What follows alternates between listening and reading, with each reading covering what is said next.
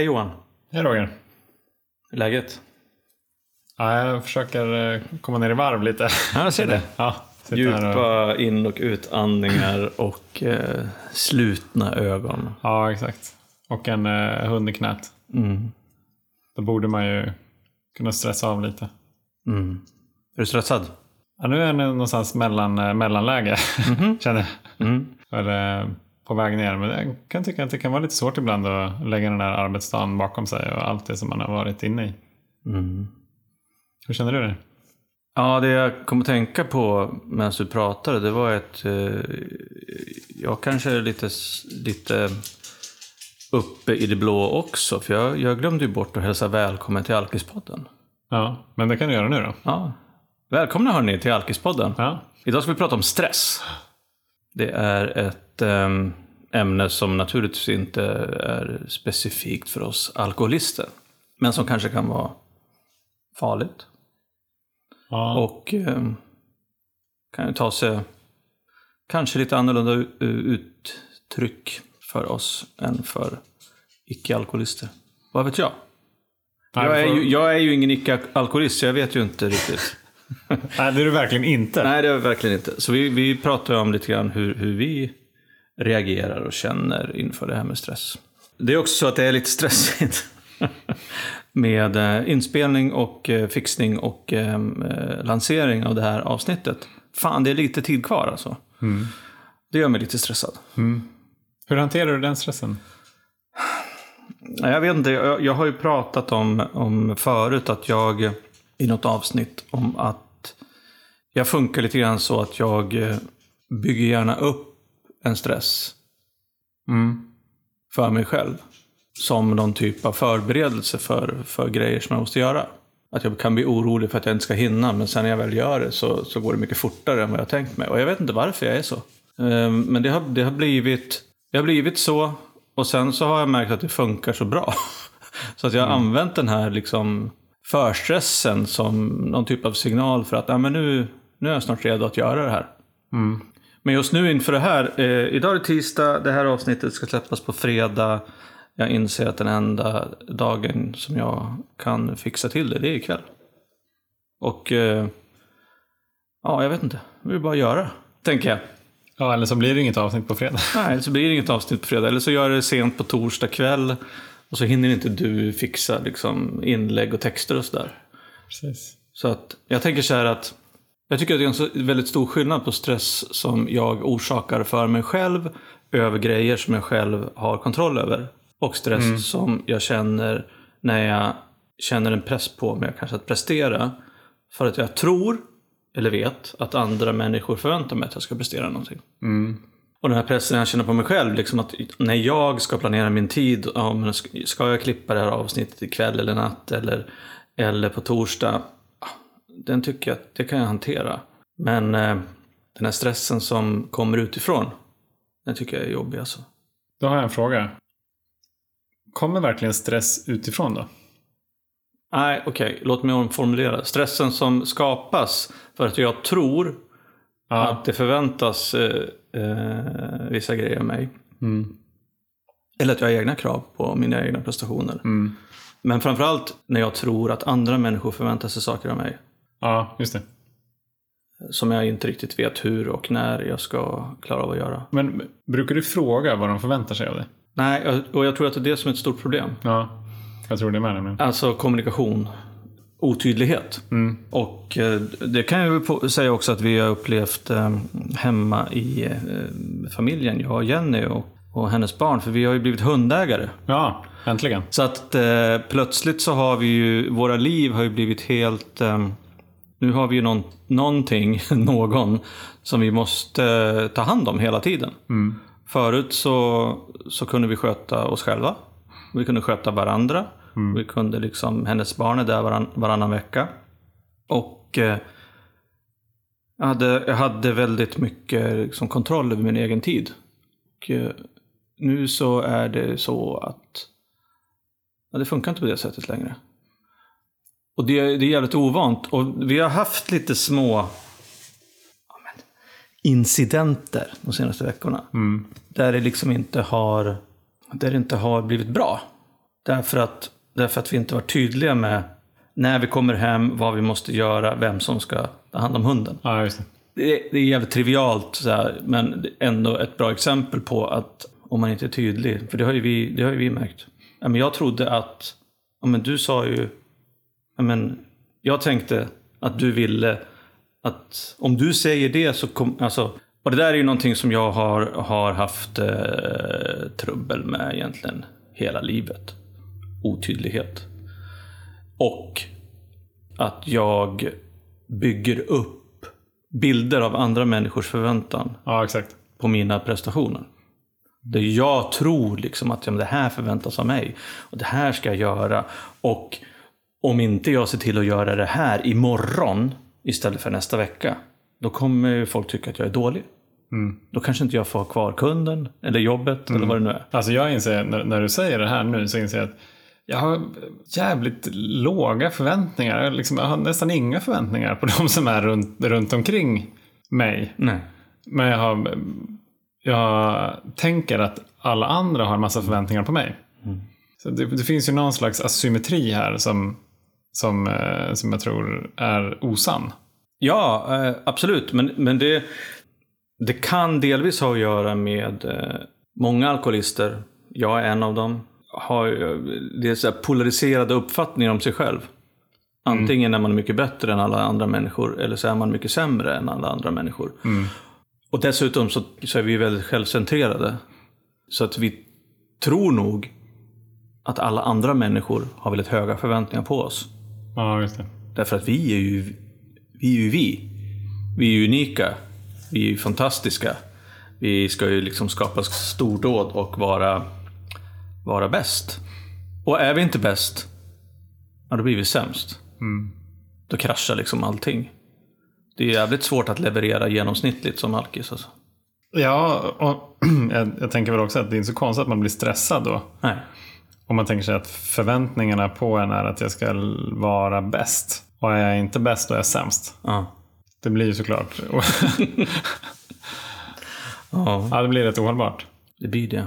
En annan sak som är lite rolig, jag tänkte jag gå tillbaka till upprinnelsen till det här eh, temat. Ja. stress. Och det var ju nämligen så att eh, du och jag promenerade ju tillsammans efter ett möte här för några, några veckor sedan. Det var säkert kanske tre veckor sedan. Ja, Fyra kanske till och med. ja, ja, precis. Tre, fyra. Mm. Ja, och, eh, och sa fan vi måste spela in ett, vi måste spela ett avsnitt. Och då berättade du att du, att du kände dig väldigt stressad just då. Mm. Och då kom vi på att kanske spela in det här, ett avsnitt om stress. Ja men fan vi har inte tid. Nej, nej, precis. när, när ska vi hitta tid att spela in ett avsnitt av stress? Det är helt omöjligt. Ja. Så att det är också lite ironiskt. Men eh, jag tänkte på det och så tänkte jag liksom backa tillbaka lite grann till just den upprinnelsen som var då att du, du, var, du kände dig väldigt stressad här för några veckor sedan. Ja, det är det. Hur, eh, hur var det då? Alltså, jag, det, det är väldigt svårt att veta vad det var som skapade vad i det där egentligen. Och, och när egentligen så här, när, när uppkom den här stressen? Det är lite som, jag vet inte om jag har berättat eller sagt det förut, men det är som hur eh, är det Hemingway, hur han blev bankrutt. First gradually and then suddenly. Ja. Ja, lite så var det med den här liksom stressreaktionen också. Helt plötsligt så befann jag mig i ett läge där jag kände mig väldigt stressad. Och anledningen var att jag hade så många parallella grejer på gång. Jag menar, Många bollar i luften. Många bollar i luften. Eh, ja, precis. Många bollar i luften, många järn i elden. Ja, ja. Eh, försökte mig på det här eh, infernaliskt korkade med att hålla på och multitaska. Det funkar ju aldrig och det, det vet jag ju om också. Men, men ehm, eh, det, det var helt enkelt väldigt mycket som var kul på samma gång. ja. Som det kan vara i livet. Det var både nya, nya vänner, så här, nytt folk som man träffar. eh, Att vara sponsor.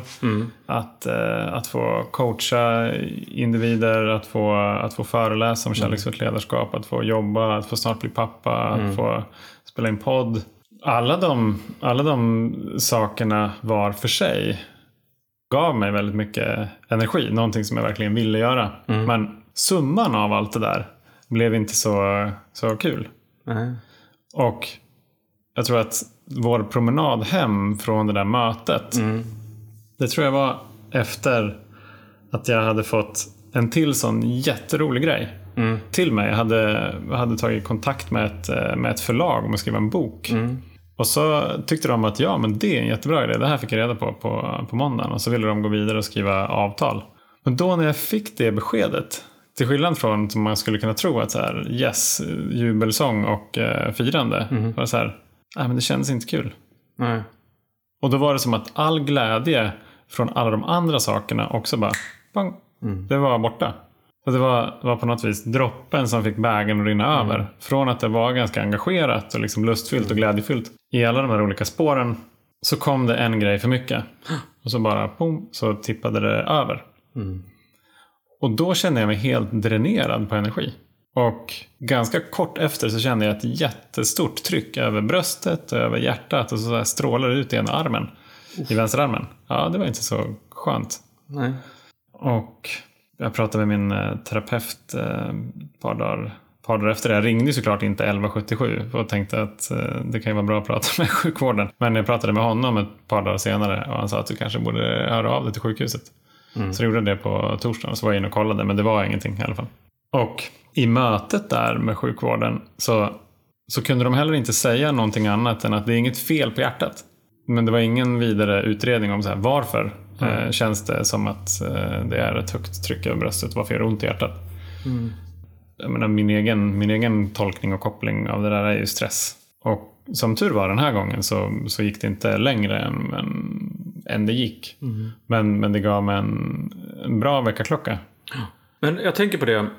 Vi har ju pratat om att eh, för att det ska vara möjligt att tillfriskna från, eller vara tillfrisknande alkoholist så krävs det att man står in någon typ av botten i sitt drickande. Det vill säga att man får för mycket konsekvenser. Ja. Eller för stora konsekvenser.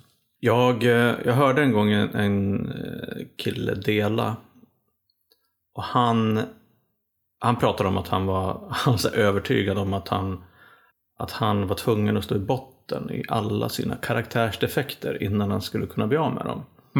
För er som inte riktigt eh, vet eller kommer ihåg vad det här handlar om. Det handlar ju om att jobba i stegen i ett tolvstegsprogram och att man då i fjärde steget skriver ner allt skit och alla dumma och dåliga grejer man har gjort och sen lämnar över dem i ett femte steg och sen efter det så kan man då ta reda på vilka karaktärsdefekter eller brister som man vill bli av med. Och Vad kan det vara till exempel? Ja, men det kan ju vara oärlighet, eh, eh, självcentrering, rädsla, eh, harm, alltså bitterhet. De där har inte jag. Nej, Nej. Vilken tur. Men om jag hade haft dem så hade det varit jätteskönt. Ja. Nej, men och, och då kan det vara så här att, att eh, ja, men man kanske, för att bli av med sin oärlighet så kanske man måste bli avslöjad med lögner några gånger tills det blir, gör för ont. Ja. Och så slutar man ljuga. För en del. Alltså jag tyckte att det lät ganska rimligt. Och jag tänker på, på såna här grejer, oavsett om det är alkoholism eller andra saker. att Det är svårt att sluta med någonting som inte ger en konsekvenser. Ja. Bara för att man, nej men nu ska jag kanske sluta. Ja, men sluta röka, ja det kanske inte är konsekvenser just nu men på lång sikt. Sluta liksom att inte att vara ohälsosam eller äta, äta fel, ja men det, jag, får, jag ser ju att det får konsekvenser på min kropp, jag mår inte bra. Alltså så, så tänker jag så här att även när det gäller stress, till exempel, så kan det vara så, och nu pratar jag inte om, eh, om människor som, som råkar ut för så utmattningssyndrom. Utan att man kanske kan få, och det här kan ju vara ett sätt för dig kanske att slippa det. Ja, precis. Det, det är så jag ser det. Jag, Ja. jag ser det snarare som att det är, det är ett kvitto på att signalsystemet i kroppen funkar. Ja, Att jag får, eh, att jag får de signalerna som jag behöver. Liksom, att, för, att, för att faktiskt... Det, det är ju en konsekvens. Av ett eh, beteende, ett eh, tankesätt, ett, ja, ett, ett förhållningssätt som inte är hållbart och som är skadligt för mig. precis. Men, men du var ju inne på en grej eh, i ett avsnitt som vi ännu inte har släppt. Just det där med att, att, eh, att gå in i stress. Ja, Att ehm, ja, men, in, in, bli hög på eller, eller knarka eller liksom använda det som någon typ av flykt. ja absolut. Eh, och jag tänker så här att jag har ju, jag har ju min den här förstressen som jag kallar den för. Som någon typ av, av grej som jag, jag kan känna att, oh, vad bra. Nu börjar jag känna mig orolig för den här aktiviteten. det, kom, det betyder nog att det kommer bli bra. Mm. Ja. Eftersom erfarenheten har sagt mig att tidigare gånger så har jag varit oro- orolig för saker och sen har jag lyckats genomföra dem med bra resultat. Mm. Så då, då blir det, så bygger jag mitt eget liksom, belöningssystem. Att okej, nu blir jag orolig och stressad över det här. Ja, men det måste betyda att det kommer att gå bra. Det är så här sjukt. Mm. Det är lite eh, bakvänt ju. Ja, det är egentligen. jättebakvänt. Så att då kan jag nästan känna sig så här välkomna den här oron. Ja. För då vet jag liksom att, ja, jag pratade om det förut, motorerna håller på att värmas upp. Det är snart dags. Och sen liksom för att jag måste ha den här för att göra det jag ska göra. Och då, går det, då kan det gå så att jag väntar på, är jag orolig för det här, den här aktiviteten? Nej. Okej, ja, då gör jag den inte nu. Nej. Utan då väntar jag liksom ytterligare en vecka eller en halv vecka och sen bara, ja men nu börjar jag bli orolig.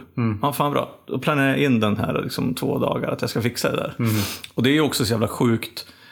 Ett, ett sätt liksom att, att försöka, försöka vinna över eller använda sig, utnyttja stressen på något, på något som, sätt som jag tycker liksom är konstruktivt. Men det är ju inte det.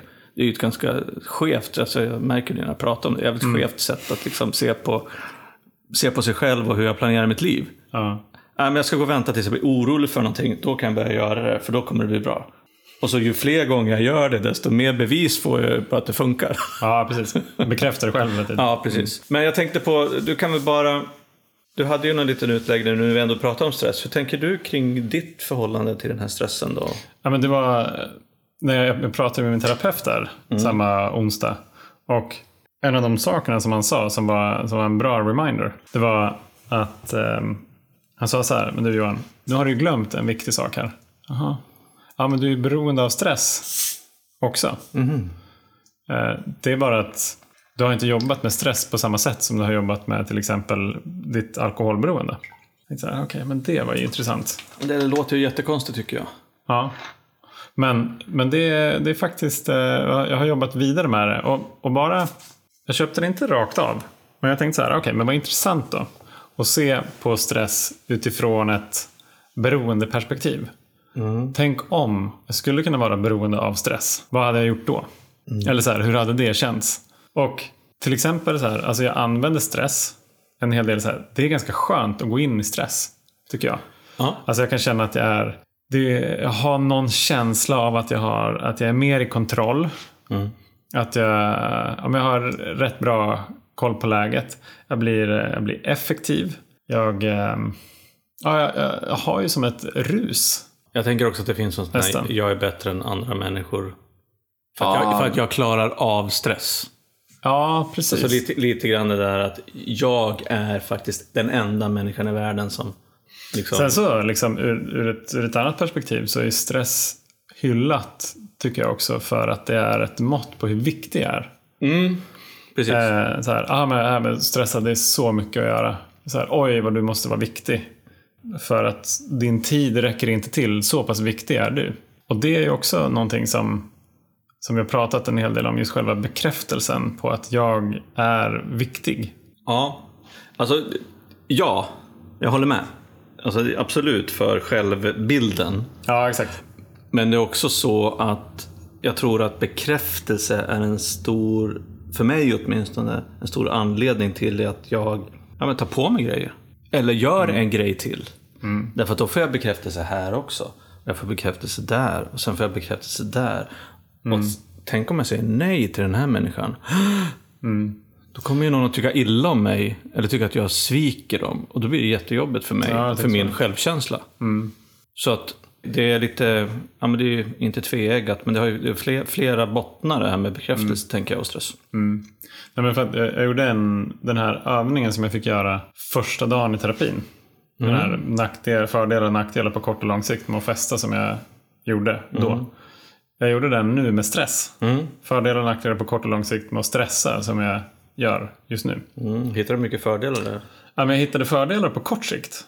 Gjorde jag. Dels känslan av att jag får väldigt mycket gjort. Känslan av att jag är i kontroll.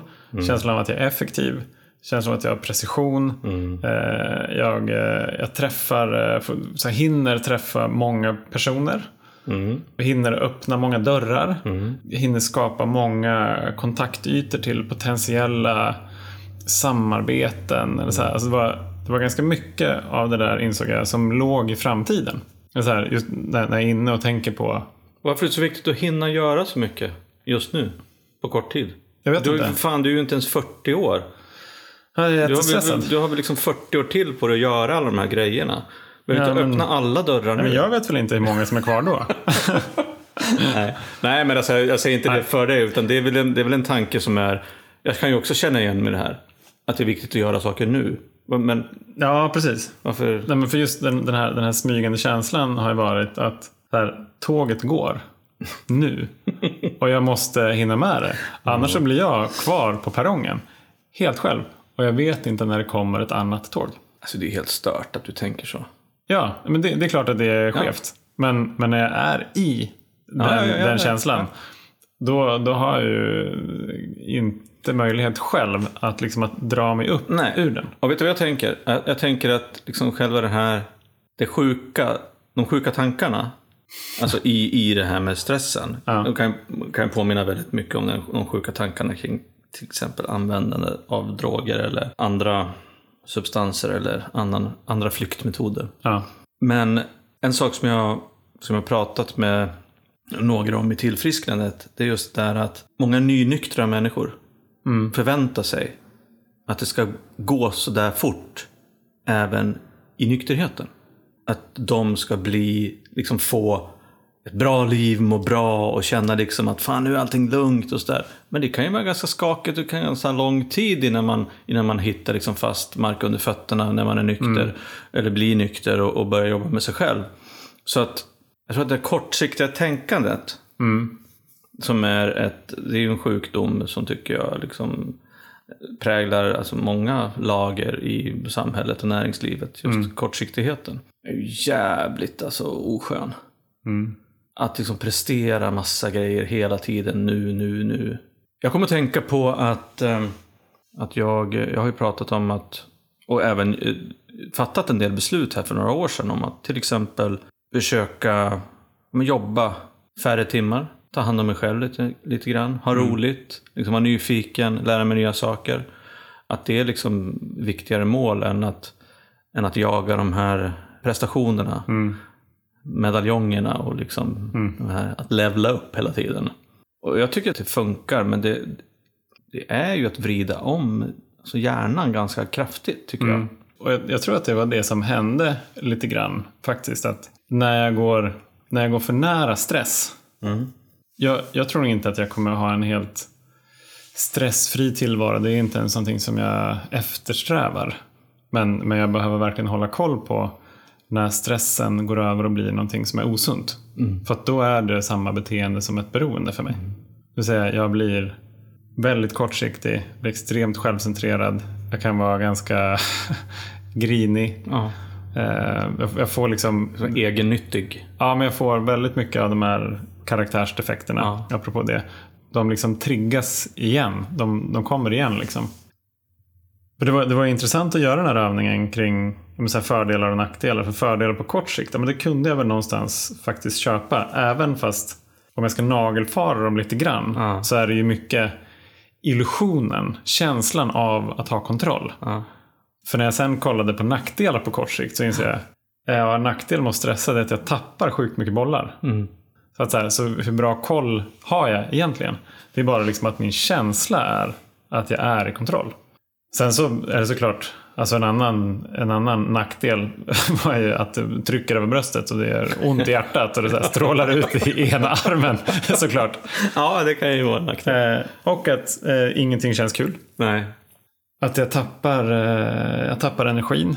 Jag tappar eh, närvaron. Jag är inte så engagerad eh, hemma eller på jobbet. Kan vara ganska kort. Ja, men så här, blir den där sura gubben som är sådär härlig. Ja, jo, jo. Kan du fråga Josefina. Och sen så om man kollar då på, på lite längre sikt så fanns det ju inte några fördelar alls. Utan, men nackdelarna var ju desto, inte, ja de var ju fler men värre framförallt. Ja, precis. För liksom Allvarligare. En, ja, precis. En, en, en nackdel på, på lång sikt med att stressa som jag gjorde då, det var dels att jag kommer dö i förtid. eh, såklart, det är ju, om man tänker sig att det är en bra grej att vara vid liv i alla fall. Och att jag inte kommer kunna vara en bra eh, man eller pappa. att jag kommer ju att gå in i väggen till slut. Om jag inte gjorde det nu så blir det kanske nästa gång eller gången efter det. Att jag till slut ändå kommer att känna att livet är så pass meningslöst så att det är lika bra att dricka. Ja. Eh, kommer ju vara en konsekvens. Och där har vi ju någonstans, tycker jag, en av de tydligaste kopplingarna med, med, med alkoholism och varför det är Fan, vi ska vara på vår vakt kring stress helt enkelt. Ja. Är det för att när den går för långt för Mm. oss så är det ett, ett steg närmare det där första glaset. Men vet du vad? Jag var ganska, igår, var det måndag, jag var ganska stressad över en del av de här logistiska utmaningarna som jag berättade om med Jenny och hunden och Ja, jobben och allt möjligt. Och eh, i allt det här så hade jag snackat med en kille söderut som frågade om jag kunde tänka mig att sponsra honom på Messenger. Och vi hade, jag hade skjutit upp liksom, ja men vi kan prata på söndag men det hann jag inte. Men vi tar det på måndag, vi, vi kan snacka runt fem. Så sköt jag upp det, ja 17.30. Och så blev det till, slut så här att, att ja, men jag, jag ringde till honom och vi pratade en ganska kort stund för jag var sen på väg, jag var tvungen att dra iväg. Men det jag märkte efter jag hade pratat med den här killen och var på väg till, eh, till ett tolvstegsmöte, vårt, vårt hemmamöte. Så kände jag liksom att, fan jag känner mig inte lika stressad längre. Vad kan det bero på? Och då slog det mig så här, ah, Roger du har ju faktiskt de senaste 20 minuterna fokuserat på en annan människa. det. istället för dig själv. Du har lyssnat på en annan människas problem. Du har liksom försökt, försökt hjälpa en annan människa. Mm. Och, och då blev jag så här, då tyckte jag det var så, för jag visste ju att vi skulle spela in det här avsnittet idag. Och då blev jag så här, vad fan det är så jävla, det är så löjligt och enkelt ibland. Det här att många av de problemen som jag har liksom, i livet. Jag säger inte att det funkar för alla, men för mig så funkar alltså väldigt mycket av det som, som rekommenderas i, ja, men, eh, i tolvstegsprogrammen att göra. Liksom. Fokusera på en annan människa för att inte vara så självcentrerad. Hjälp någon annan för att hjälpa dig själv. Och så var jag på ett möte och där har ju vi, vi har ju ja, här, tre minuter av tystnad innan, innan vi sätter igång. Och då kände jag då också att allt det här det bara, liksom bara rann av. För att jag fick vara i ett annat sammanhang. Du vet ju att förra veckan så gick ju inte jag på möten för jag var tvungen att jobba. Och i och med att jag inte gick på möte förra veckan så, så får jag ju inte den här liksom releasen som jag fick igår. Ja, just. Så idag känner jag mig, även fast jag har lika mycket att göra, så känner jag mig, känner mig mycket, mycket lugnare. Och jag vet också att jag har slarvat med dagliga rutiner sista tiden. På morgonen. Framförallt. Brukar ju köra en kort meditation och liksom bara så här läsa så här dagliga reflektioner och, och eh, bara eh, ta det lugnt. Det har jag inte gjort. De senaste månaden, månaderna skulle jag faktiskt vilja säga. För att jag inte har haft tid. Men det, och det är det, som, det är det som är så jävla paradoxalt också. För att jag vet ju att ju mer tid jag lägger på programmet och i programmet och i gemenskapen, desto mer tid får jag utanför programmet. Jag får ett lugn och en sinnesro, en förmåga att prioritera, en förmåga att tänka på det viktigaste först, en förmåga att säga nej och ja till rätt saker, att fatta sunda beslut som försvinner mer eller mindre när jag inte gör det jag ska göra. Så att för mig, så tänker jag så här, den enkla lösningen på, på säga, alla mina problem, det är inte riktigt sant, men den enkla lösningen på till exempel stress och situationer som kan försätta mig i stress, det är att göra det jag ska i 12-stegsprogrammet. För att då kommer jag att bli säkrare på vad jag behöver. Och jag kommer att kunna liksom prioritera och sätta det viktigaste först. Och då tror inte jag att jag kommer vara stressad. Nej, precis. Så att stressen i sig, det blir ju som en liten ond spiral. Liksom, att stressen i sig får mig att sluta, eller inte sluta kanske, men glömma dagliga rutiner. Att välja bort liksom, att gå på möten, att välja bort att, att sponsra för att jag tycker att jag är så jävla stressad. Fast jag vet ju att det är tvärtom. Och det är så jävla konstigt, den här jävla sjuka hjärnan som jag har. och jag vet inte om det är någon som känner igen sig, liksom, att vi gör saker, ibland utan att tänka på det, fast vi vet att det inte är rätt saker att göra. Nej, precis. Det var ju det var ju mycket det som var en av de viktigaste men svåraste övningarna under den här stressperioden. Att faktiskt utmana övertygelsen som jag hade om att jag nästan hade rätt att känna mig stressad. Ja. För att det var så mycket grejer som jag var tvungen att göra. Vi nämnde ju Byron Katie och The Work här. Och så här. Men är det verkligen sant? Allt är påhittat Johan. Ja, det är ju tydligen det. Tack Navid.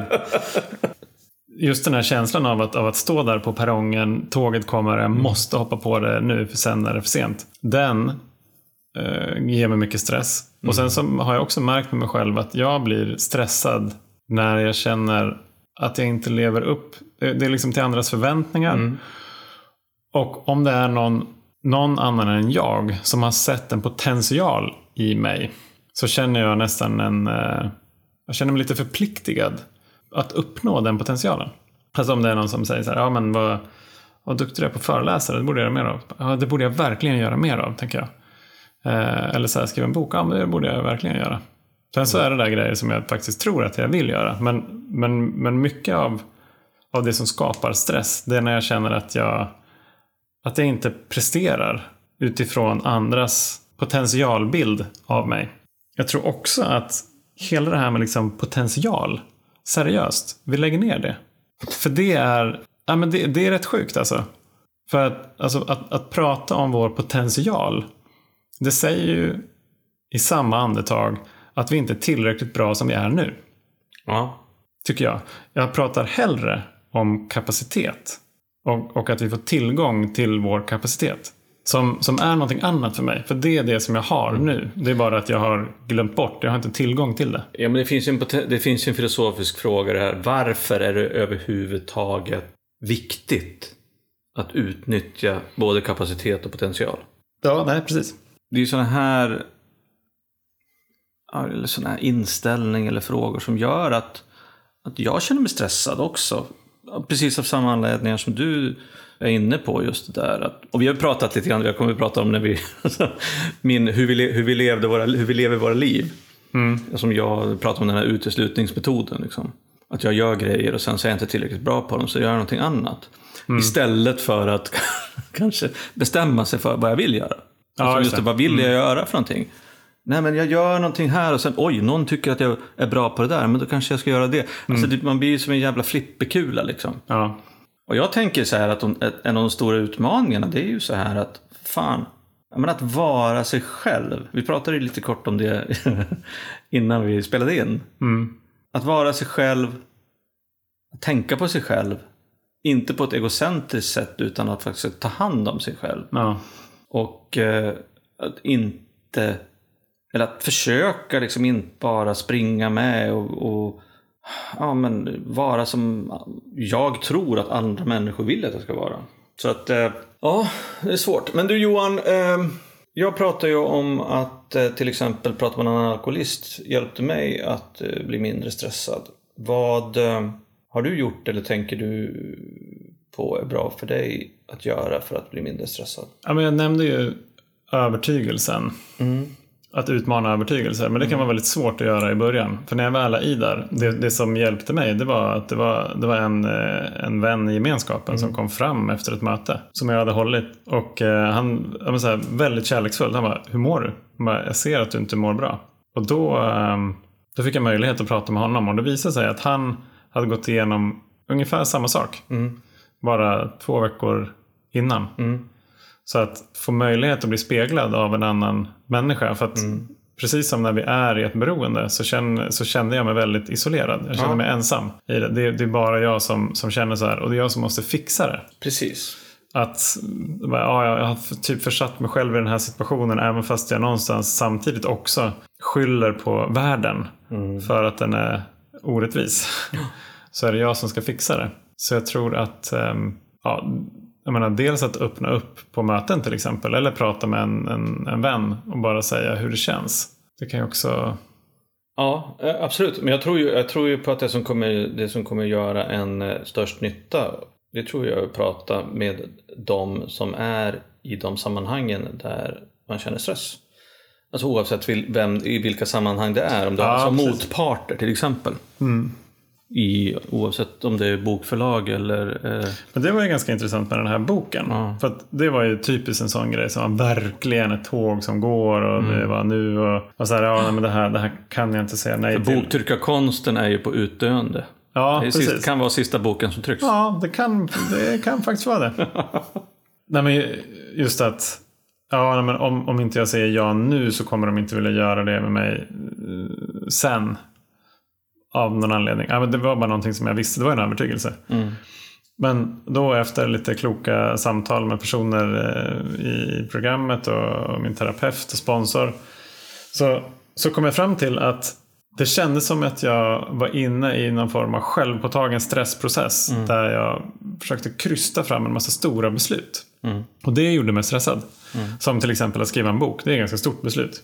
Eh, Speciellt om man ska göra det parallellt med att bli pappa för första gången.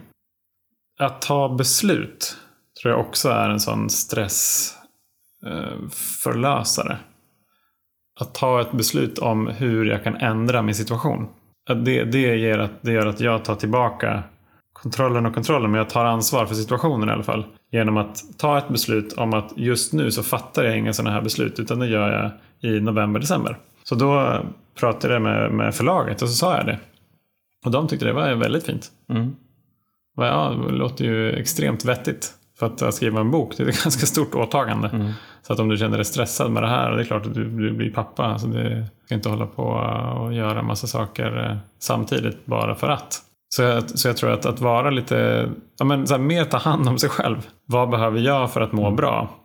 För att när jag är och he, hela tiden reagerar på vad jag tror att andra vill att jag ska göra så blir jag ju såklart väldigt reaktiv. Ja. Och då, då har jag inte liksom, då skapar jag inte mina egna förutsättningar heller. Nej. Nej. Du, nu har inte vi tid att sitta och prata. jag blir lite stressad nu. ja. Nej, men jag tänkte så här att um, sammanfatta. För att kanske kunna bli bättre på att hantera stress eller ta bort delar av den så ta hand om sig själv. Utmana övertygelser. Ja, sätta det viktigaste först. Ja. Också vara transparent tror jag. Alltså, Ja. kanske inte i första hand om man inte vill med, mot dem som man tycker gör en stressad. Men man har ju, vi har ju vänner, vi har varandra. Vi har, eh, man kanske har terapeuter. Prata om det. Eh, också tydlighet. Mm. ja Vad fan, om, om, inte, om inte du tycker att det är tydligt, se till att det blir tydligt då. Mm. Försöka ta lite ansvar för det. Alltså, är det. Vad är det verkligen du vill att jag ska göra? Är det här okej? Kan jag leverera det här på måndag? Är det liksom, är det liksom scopet? Mm. Så att man inte överle- försöker överleverera ständigt. Sen så, ja också det här att eh, kanske försöka fokusera på andra människor än en själv lite grann. Prata med någon annan, fråga hur den mår, hjälpa, hjälpa någon annan eh, istället för att bara gräva ner sig ännu mer i stress. kan vara några olika grejer att göra. Sen så tänker jag så här att det som, det som du också nämnde att om, om man har förmåga, jag skulle aldrig kunna göra det, att skriva en lista. Att göra så fördelar och nackdelar på kort och lång sikt. Jo, gör det. Det är skitkul. Eh, Så att eh, det finns ju massa grejer att göra.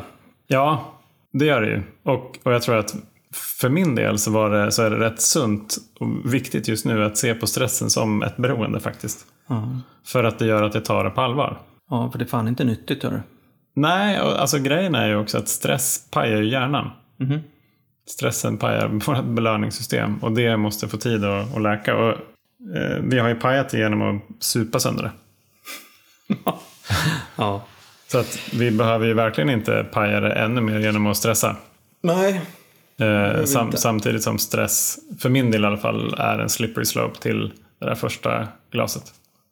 Jaha, Johan, du, jag ser att du sitter med eh, lite, en, lite spännande eh, info framför dig. Ja, men jag tänker så här. Att för våra lyssnare som är i Göteborgsområdet så har vi nu på söndag 5 maj en eh, föreläsning på eh, Kulturlagret i Göteborg på Djurgårdsgatan 29. Och eh, dörren öppnar klockan 17. Och föreläsningen håller på mellan 18 och 19.30.